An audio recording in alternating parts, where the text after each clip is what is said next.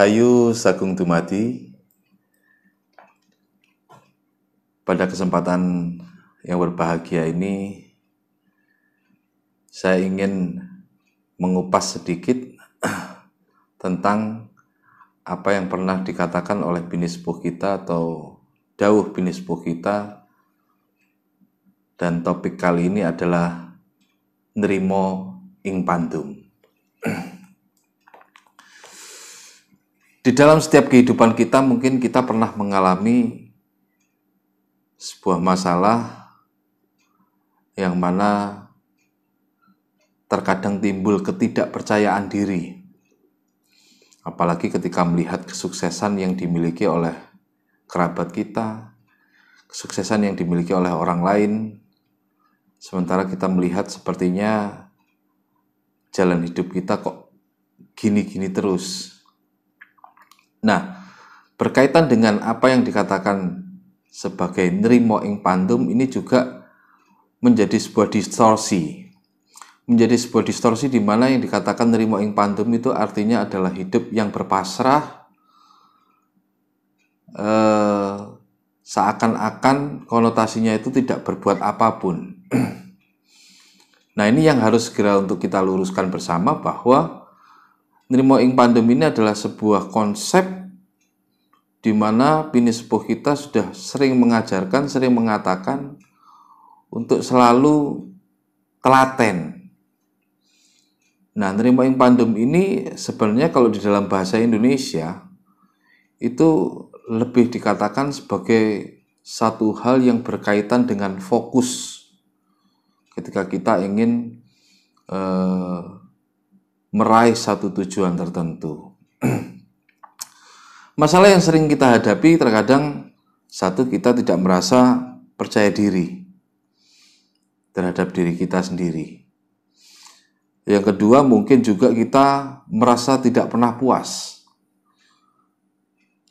Sebenarnya nilai-nilai daripada ketidakpuasan terhadap diri kita itu ada pada pembandingan secara tidak sadar kita selalu membandingkan antara diri kita dengan orang lain tanpa memahami bahwa setiap manusia itu memiliki proses yang berbeda tentunya.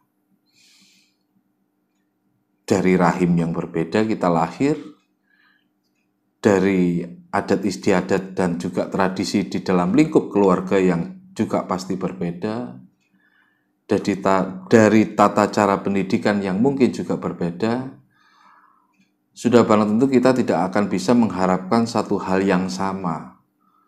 Di dalam sebuah proses kehidupan ada yang orang mungkin sukses di usia 20 tahun, tapi 10 tahun kemudian mengalami fase kemunduran dari kesuksesan. Ada juga yang baru sukses di atas 40 tahun. Bermacam-macam.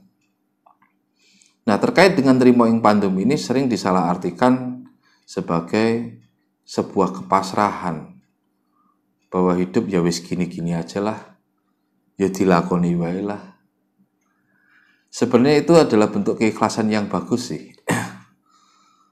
Bentuk kepasrahan seperti itu memang sangat kita perlukan. Tapi yang harus kita tahu bahwa dalam penciptaan manusia itu dibekali oleh akal dan juga pikiran di mana kita juga harus berupaya, kita juga harus berusaha sesuai dengan konsep Jawa yaitu yang dinamakan Manunggaling Kawula Gusti bahwa pada dasarnya Tuhan itu sudah menciptakan alur di dalam setiap perjalanan manusia. Tinggal bagaimana kita memahami alur mana yang akan kita tempuh, risiko apa yang akan kita hadapi, kemungkinan-kemungkinan apa saja yang mungkin kita akan temukan. Nah, terkait dengan terima ing pandum ini, jangan disalahartikan kepada sebuah kepasrahan belaka tanpa adanya nilai-nilai usaha. Karena seperti yang saya sampaikan tadi, di mana Tuhan sudah menciptakan alur kehidupan manusia yang begitu kompleks, Mungkin pemirsa kalau pernah tahu ada sebuah gambar labirin ya di mana ada jalan masuk yang kemudian keluar tapi dalam sebuah perjalanan labirin itu berliku-liku dan amat sangat lebih kompleks daripada itu. Maka pada dasarnya orang Jawa percaya bahwa takdir itu ditentukan oleh dirinya sendiri. Akan tetapi tanpa didasari dengan upaya, tanpa didasari dengan usaha, maka semua tidak akan membuahkan hasil. Bahkan ketika kita berjalan pun, mulai dari usia 9 bulan, kita belajar untuk berjalan, itu juga membutuhkan sebuah proses. Yang pertama adalah niat dan juga keberanian. Nah, di samping itu, keseimbangan juga menentukan sehingga kita pada akhirnya bisa berdiri tegak. Yang sebelumnya kita hanya bisa merangkak. Itu adalah sebuah proses yang juga ada usaha di sana, ada upaya di sana. Demikian juga berlaku pada kehidupan kita sehari-hari. Dan yang dikatakan sebagai konsep nerimo ing pandem ini adalah sebuah fokus bahwa kita hidup di dunia ini juga harus bisa memahami yang dinamakan eh, penggalian jati diri atau memahami potensi diri. Di mana kita sebagai manusia harus bisa melihat baik ke belakang sejarah leluhur kita maupun juga diri kita potensi apa yang kita miliki. Ini menjadi amat sangat penting karena untuk melangkah ke depan, agar bisa fokus kita harus tahu seperti apa kekuatan yang kita punyai baik secara lahir maupun secara batin. Nah, yang tidak kalah penting adalah terkait masalah pekerjaan. Terkadang juga masih ada suara-suara sumbang yang memilah-milah antara pekerjaan dan juga anggapan-anggapan bahwa pekerjaan itu adalah pekerjaan rendahan, pekerjaan yang tinggi. Nah, tingkatan-tingkatan ini harus bisa kita hapus sekali lagi sebagai manusia Jawa yang punya eh, konsep Jawa yang baik bahwa pada dasarnya manunggaling kaulo Gusti adalah manunggalnya kaulo dengan Gusti atau di hadapan Gusti kita itu sama jadi di hadapan Tuhan yang Maha Esa kita ini pada dasarnya adalah sama, lahir juga dalam proses yang sama, hanya mungkin berbeda daerah, berbeda situasi. Tapi ketika kita pertama kali lahir menjadi bayi yang juga sama-sama belum memiliki memori apa pun, maka seyogianya sudah tidak zamannya lagi kita uh, memberikan tingkatan-tingkatan di dalam hal sebuah pekerjaan. Karena justru tingkatan-tingkatan ini secara tidak sadar sudah menciptakan satu budaya bullying. Seakan-akan seorang tambal ban itu pekerjaan derajatnya yang jauh lebih rendah daripada seorang sales atau seorang pedagang seakan-akan seorang kusir martabatnya jauh lebih rendah daripada seorang pegawai. nah, justru dalam konsep nerimo ing pandum ini adalah terkait dalam hal fokus terhadap apa yang kita lakukan, fokus terhadap segala profesi yang kita punyai, fokus terhadap segala pegangan hidup yang kita miliki. Ini akan menjadi amat sangat penting terutama apabila kita masih muda terkait dalam hal mengambil salah satu jalur pendidikan. Seperti yang kita tahu, apalagi sekarang sudah ada ada SMK dengan berbagai macam jurusan, ada multimedia, ada pertanian, ada juga otomotif, dan berbagai macam jurusan. Di dalam perkuliahan kita juga memiliki berbagai macam jurusan. Nah hal ini menjadi penting yang dikatakan Rimo yang pandem adalah fokus dan salah satu cara untuk bisa fokus adalah kita harus menggali diri kita sendiri dulu. Potensi yang kita miliki apa? Apakah kita ini memang jago di bidang akademis? atau kita ini memang jago di bidang non akademis. Dan itu harus kita tentukan sebisa mungkin dari awal ketika kita masih muda. Di mana pada saat usia belasan, di mana pada saat kita mencari jati diri, di situlah kesempatan kita untuk menggali potensi. Makanya kenapa di setiap sekolah selalu ada ekstrakurikuler, baik olahraga maupun seni, maupun juga ada bidang-bidang akademis yang lain, seperti olimpiade matematika, olimpiade fisika.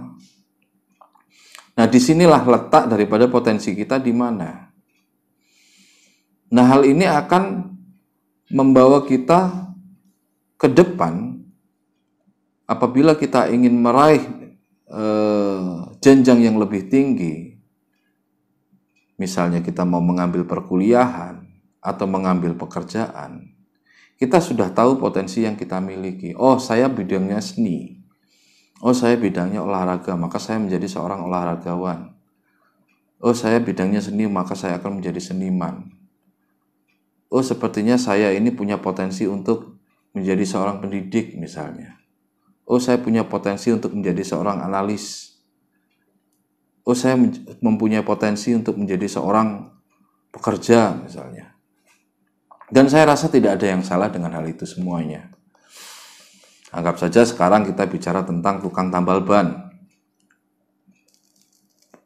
Bisa dibayangkan bagaimana carut marutnya jangan kita bicara dunia lah ya. Bagaimana carut marutnya daerah kita seandainya tidak ada tukang tambal ban. Dan kemudian ban kita bocor. Dan kita tidak tahu bagaimana cara menambal ban yang baik. Nah artinya bahwa semua pekerjaan sekecil apa pun itu memiliki satu skill. Dan tidak semua orang bisa melakukannya. Dan inilah nilai-nilai yang harus kita hargai. Jadi sebenarnya tidak usah malu.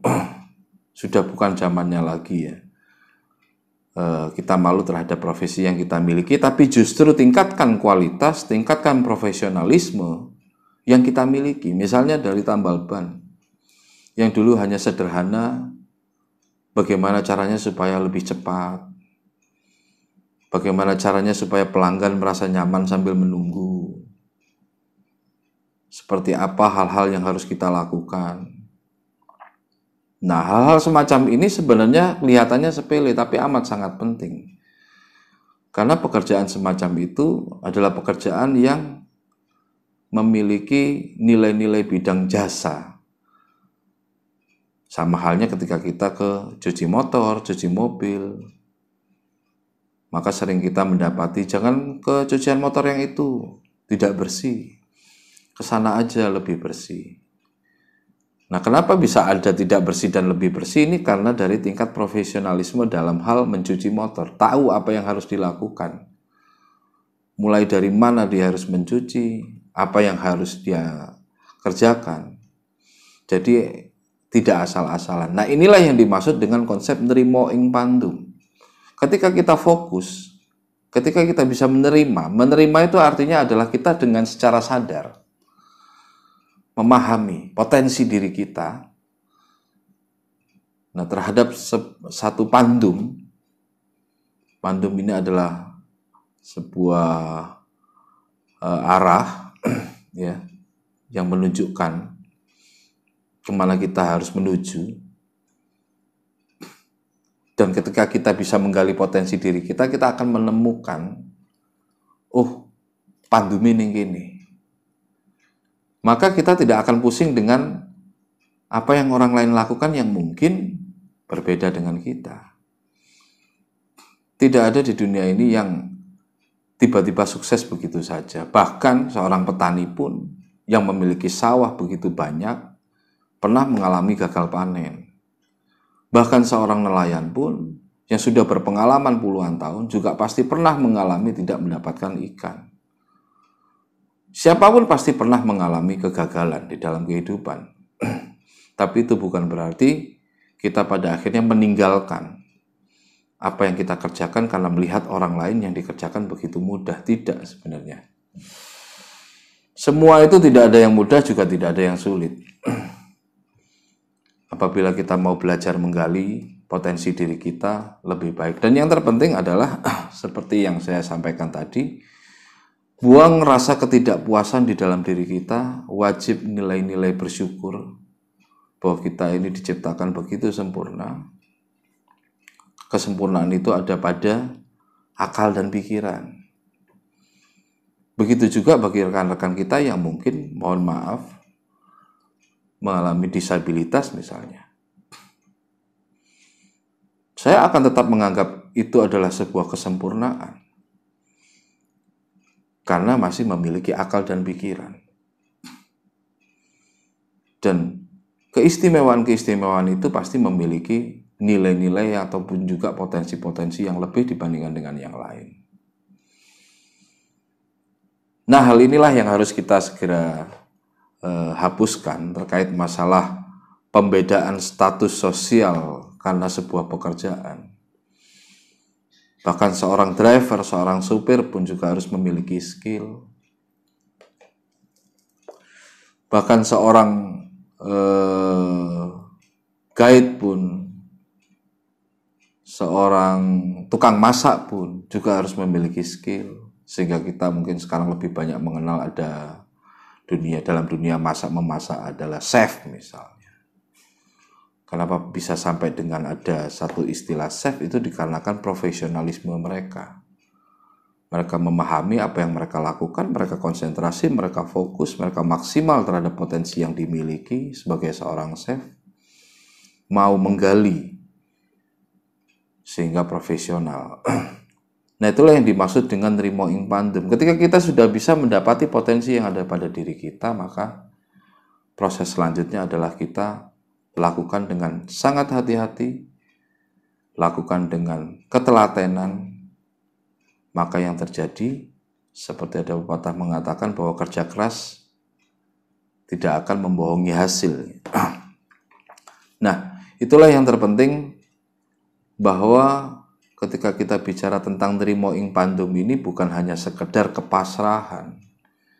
Jadi ketika kita ditempa sebuah masalah kita tidak mencoba untuk menganalisa, kita tidak mencoba untuk memikirkan kembali apakah ada yang tidak kita sadari, kesalahan-kesalahan apa. Nah, ini menjadi hal yang sangat penting. Buang jauh-jauh rasa ketidakpuasan, kecemburuan sosial kepada orang yang lain, kemudian tidak percaya diri dengan pekerjaan kita, menganggap pekerjaan kita adalah pekerjaan yang rendah. Nah, ini adalah sebuah hal yang cukup keliru sebenarnya. Jangan pernah menganggap. Karena anggapan yang kita miliki itu akan berimbas kepada bagaimana orang lain menganggap diri kita.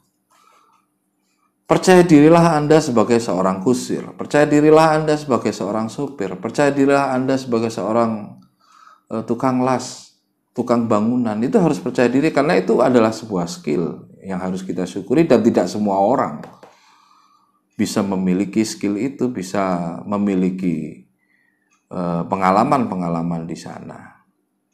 Nah, yang tidak kalah penting dalam hal menggali potensi diri adalah bagaimana melihat orang tua kita sebenarnya tidak perlu malu ketika kita bicara. Mungkin orang tua kita petani, kadang-kadang kita ini orang Jawa suka terlalu merendah, sehingga kadang-kadang tidak hanya merendahkan hati, tapi merendahkan diri. Halah aku iki apa sih wong anake wong tani. Nah ini loh. Ini adalah satu hal yang cukup cukup miris ya kalau didengar. Bahkan ketika orang lain kadang-kadang suka iri, wah enak ya kamu punya sawah, aku tidak punya sawah tapi kamu sendiri atau Anda sendiri terkadang merasa tidak percaya diri hanya karena anaknya wong tani. Nah, ini yang harus segera kita hapuskan. Apalagi ketika kita punya orang tua seorang petani yang punya sawah sendiri. Yang harus kita pikirkan ketika kita bicara terima ing pandum bahwa kita harus meneruskan. Oh, ayah saya seorang petani dan saya lihat alat-alatnya begitu sederhana. Dengan proses cara tanam yang masih tradisional mungkin ketika aku nanti mengambil jurusan SMK pertanian, saya akan mendapatkan ilmu yang lebih sehingga harapannya bisa meneruskan pekerjaan ayah menggunakan peralatan yang lebih profesional, mendapatkan hasil yang lebih maksimal, bisa panen yang lebih baik. Nah ini yang dikatakan sebagai satu konsep nerimoing pantum. Maka jangan heran ketika kita banyak melihat pedagang-pedagang di perniagaan, misalnya toko kelontong yang dimiliki secara terus-menerus mulai dari kakeknya, dimiliki oleh ayahnya, kemudian turun kepada anaknya. Itu karena memahami bahwa sebuah bidang pekerjaan ini harus regenerasi, harus ada yang melanjutkan. Itu adalah salah satu hal yang bisa dibilang sebagai nerimo ing pandum. Begitu juga mungkin ketika kita bicara, oh ibu saya seorang pembantu rumah tangga. Terkadang kita malu. Nah ini yang juga harus segera dihapus. Pemikiran orang tua kita sebagai ibu rumah tangga lalu kemudian kita malu. Bahwa perlu Anda ketahui, dunia pariwisata, dunia turisme, dunia hotel, semua tidak luput daripada pekerjaan membantu. Secara tanda kutip, membantu secara profesional, baik yang ada di resepsionis, baik yang ada sebagai bellboy, baik yang ada sebagai divisi kamar. Ini adalah sebuah pekerjaan yang basicnya adalah helper, jasa. Tetapi di situ ada nilai-nilai profesional di dalamnya. Bagaimana kita bisa menerima tamu di dalam sebuah hotel, diawali dengan greeting. Selamat pagi, selamat datang. Bagaimana kita membersihkan tempat tidur, bagaimana kita membersihkan kamar mandi. Di mana ada teknik-teknik tersendiri yang mungkin Anda bisa pelajari apabila Anda berada pada jurusan perhotelan. Nah, Maksud saya adalah kita kembali lagi flashback ketika ibu saya adalah seorang e, pembantu rumah tangga misalnya. Bukan tidak mungkin kita banyak belajar tentang bagaimana sih riwahnya bekerja di dunia e, mengurus rumah tangga, mulai dari membersihkan rumah. Nah di sinilah yang mungkin kita bisa ambil kita bisa belajar untuk lebih baik sehingga mungkin kita akan mengambil jurusan perhotelan misalnya. Di situ kita bisa sharing dengan orang tua kita. Bahkan terkadang ada ilmu-ilmu yang tidak dipelajari di dunia perkuliahan. Tapi eh, orang tua kita bisa tahu misalnya mencuci. Gimana sih caranya supaya pakaian lebih putih? Atau bagaimana sih caranya membuat supaya kain yang hitamnya sudah mangkak bisa menjadi hitam lagi? Nah ini biasanya dipelajari dalam dunia binatu atau laundry ya. Uh, di situ bagaimana sih caranya untuk mencetrika secara rapi? Saya rasa itu ada teknik-tekniknya dan inilah yang dikatakan sebagai nerima yang pandem adalah bahwa kita harus bisa meningkatkan Eh, profesionalisme, meningkatkan kualitas daripada sebuah pekerjaan yang sebelumnya mungkin dijalankan oleh orang tua kita. Contoh katakan, oh orang tua saya seorang supir angkutan kota atau seorang supir metro mini atau apalah. Kita jangan berkecil hati. Masih ada pekerjaan dunia supir yang lebih baik. Dengan cara apa? Menumbuhkan skill kembali lagi. Nah ini adalah sebuah konsep nerimo ing pandum. Salah satu contoh misalnya, ketika kita menjadi seorang guide, berarti di situ kita harus belajar bahasa lain selain bahasa Indonesia. Ada bahasa asing, kita bisa belajar bahasa Jepang misalnya, bahasa Cina, Perancis, Inggris tentunya sebagai international language. Nah hal inilah yang membuat bagaimana kita bisa meneruskan jalur keluarga pekerjaan yang menjadi pekerjaan keluarga, tapi memiliki value, memiliki peningkatan yang lebih baik, lebih profesional. Ketika kita menjadi guide, kemudian kita memiliki mobil sendiri, atau mungkin sekarang yang lebih dikenal eh, ini ya apa eh, Grab misalnya, atau kita ikut gokar atau jasa-jasa transportasi yang lain. Nah, untuk menjadi seorang driver, profesional driver itu juga memiliki eh, skill tersendiri tentang bagaimana kita harus membersihkan mobil kita, bagaimana kita harus melayani tamu kita dengan baik, membukakan pintu terlebih dahulu misalnya. Nah ini biasanya yang sering mengalami adalah guide-guide yang sudah berpengalaman. Mereka akan membukakan pintu tamunya sambil mengucapkan selamat pagi. Jangan lupa untuk selalu mengucapkan salam. Menjaga selalu kebersihan interior mobil. Jangan biarkan bau tidak sedap yang ada di dalam ruangan mobil.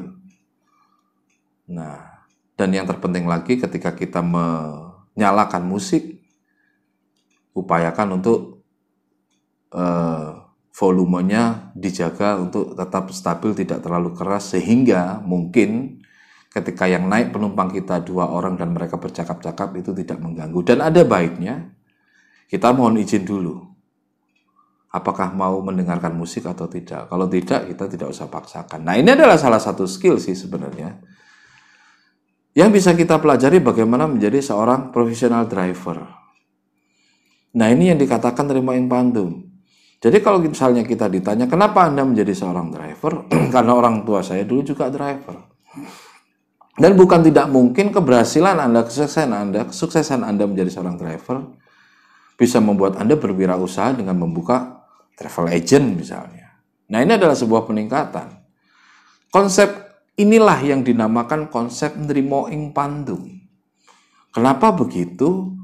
Karena orang sudah mengenal orang tua kita sebagai profesinya sebagai apa. Dan ini akan memberikan nilai trust kalau di dalam dunia marketing itu sebenarnya uh, sudah memiliki nilai lebih atau personal branding yang baik. Nah, salah satu contoh misalnya, salah satu contoh, kita bicara tukang sate aja. Dan itu sudah regenerasi. Karena kita tahu sejak orang tua kita mungkin kita punya langganan tukang sate misalnya namanya Pak Heri. Nah karena ini meregenerasi dengan anak-anaknya maka akan terbenam di dalam pikiran alam bawah sadar para konsumen ketika nyari sate Pak Heri. Walaupun sekarang yang jual sudah anaknya. Ketika nyari rawon, Bu ini. Walaupun sekarang yang jual sudah putrinya. Nah ini adalah sebuah nilai plus ketika kita bicara tentang nerima yang pandem dan kita mau mengikuti jejak pekerjaan orang tua. Jadi sekali lagi eh, yang menjadi pesan adalah jangan pernah meremehkan pekerjaan sekecil apa pun. Bahkan seorang tukang bangunan tidak akan bisa bekerja tanpa bantuan seorang kuli atau yang membantu dia dalam mengaduk semen, membawakan batu bata. Semua punya potensi, semua punya nilai. Nah, harapannya adalah bagi para pekerja yang ada di lapangan juga tentunya bisa melihat Eh, bagaimana resiko yang dihadapi sehingga kita memerlukan apa namanya yang dinamakan eh, apa safety ya keamanan. Kita menggunakan pakaian yang nyaman yang aman. Jadi ya nggak ngawur juga nah inilah yang mungkin perlu kita telaah kembali sehingga tidak berpikir bahwa satu pekerjaan itu lebih jelek dibandingkan pekerjaan yang lain atau satu pekerjaan lebih baik dibandingkan dengan pekerjaan yang lain. Ini adalah sebuah konsep dari Moyang Pandem dan ini adalah sebuah ilmu yang sudah diturunkan sejak lama sebenarnya. Hanya saja mengalami satu distorsi, mengalami penyalahartian bahwa yang dikatakan dari Moyang Pandem itu adalah bahwa kita tinggal berpasrah aja Berpasar artinya kita tidak tahu tujuan kita ke mana. Ya wis lah, kalau memang saya harus jadi ini ya jadi ini. Kalau saya harus jadi itu ya jadi itu. Nah ini ini justru kepasaran yang keliru. Artinya kita harus berupaya secara maksimal dulu. Ketika kita sudah berupaya secara maksimal, yang saya ambil contoh misalnya dari orang kita, orang tua kita seorang driver, yang kemudian kita juga menjadi seorang driver, profesional driver, dan akhirnya Anda menjadi mempunyai satu bidang usaha di bidang travel agent misalnya mempunyai kantor, ada marketing. Nah, di situlah nilai kepasrahan. Bahwa saya sudah berupaya secara maksimal, tinggal kita berdoa, sedaya saka kersaning Gusti kang murbeng dumadi. Itu juga menjadi hal yang cukup penting untuk kita renungi, untuk kita resapi. Nah, bahwasannya ketulusan juga diperlukan dalam hal nerima pandum dikarenakan yang namanya nerimo ini adalah dengan penuh kesadaran menerima. Oh, bahwa saya punya potensi ini. Menjadi kekeliruan besar adalah ketika kita melihat orang lain. Itu makanya kenapa ada juga sebuah sebuah ungkapan ya bahwa pekerjaan apa pun bisa ditiru tapi rezeki tidak bisa ditiru. Penggawaian apa bisa ditiru tapi rezeki gak iso ditiru. Mergo Gusti Kang Murbeng Dumati wis mbagi rezekine dewe-dewe atau Tuhan yang Maha Esa sudah membagi rezekinya sendiri-sendiri. Nah, hal inilah yang harus kita juga pahami bahwa keikhlasan yang kita lakukan atas kesadaran yang kita miliki dan juga nilai maksimal itu menjadi sangat penting. Demikian mungkin yang bisa saya sampaikan pada kesempatan kali ini terkait nilimo ing pandum. Saya berharap Anda semuanya menjadi paham bahwa yang dikatakan nilimo ing pandum ini bukan berarti kita berpasrah menuju ke arah e, kesengsaraan atau membawa sebuah kesengsaraan atau ketidakberuntungan bahwa saya bukan termasuk orang yang beruntung tidak seperti kamu. Jadi lupakanlah. Saya harap tidak ada lagi yang namanya merendahkan diri sendiri.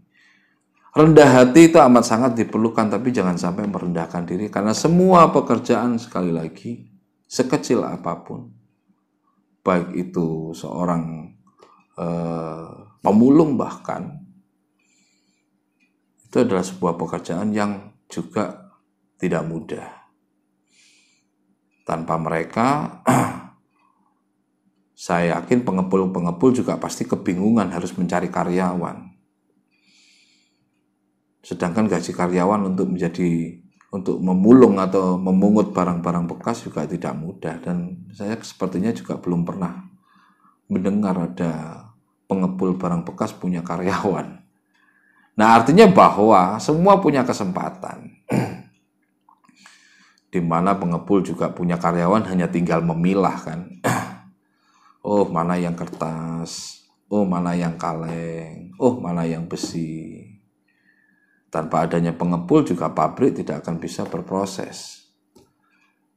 Pabrik plastik misalnya membutuhkan bahan-bahan daur ulang atau pabrik kertas misalnya.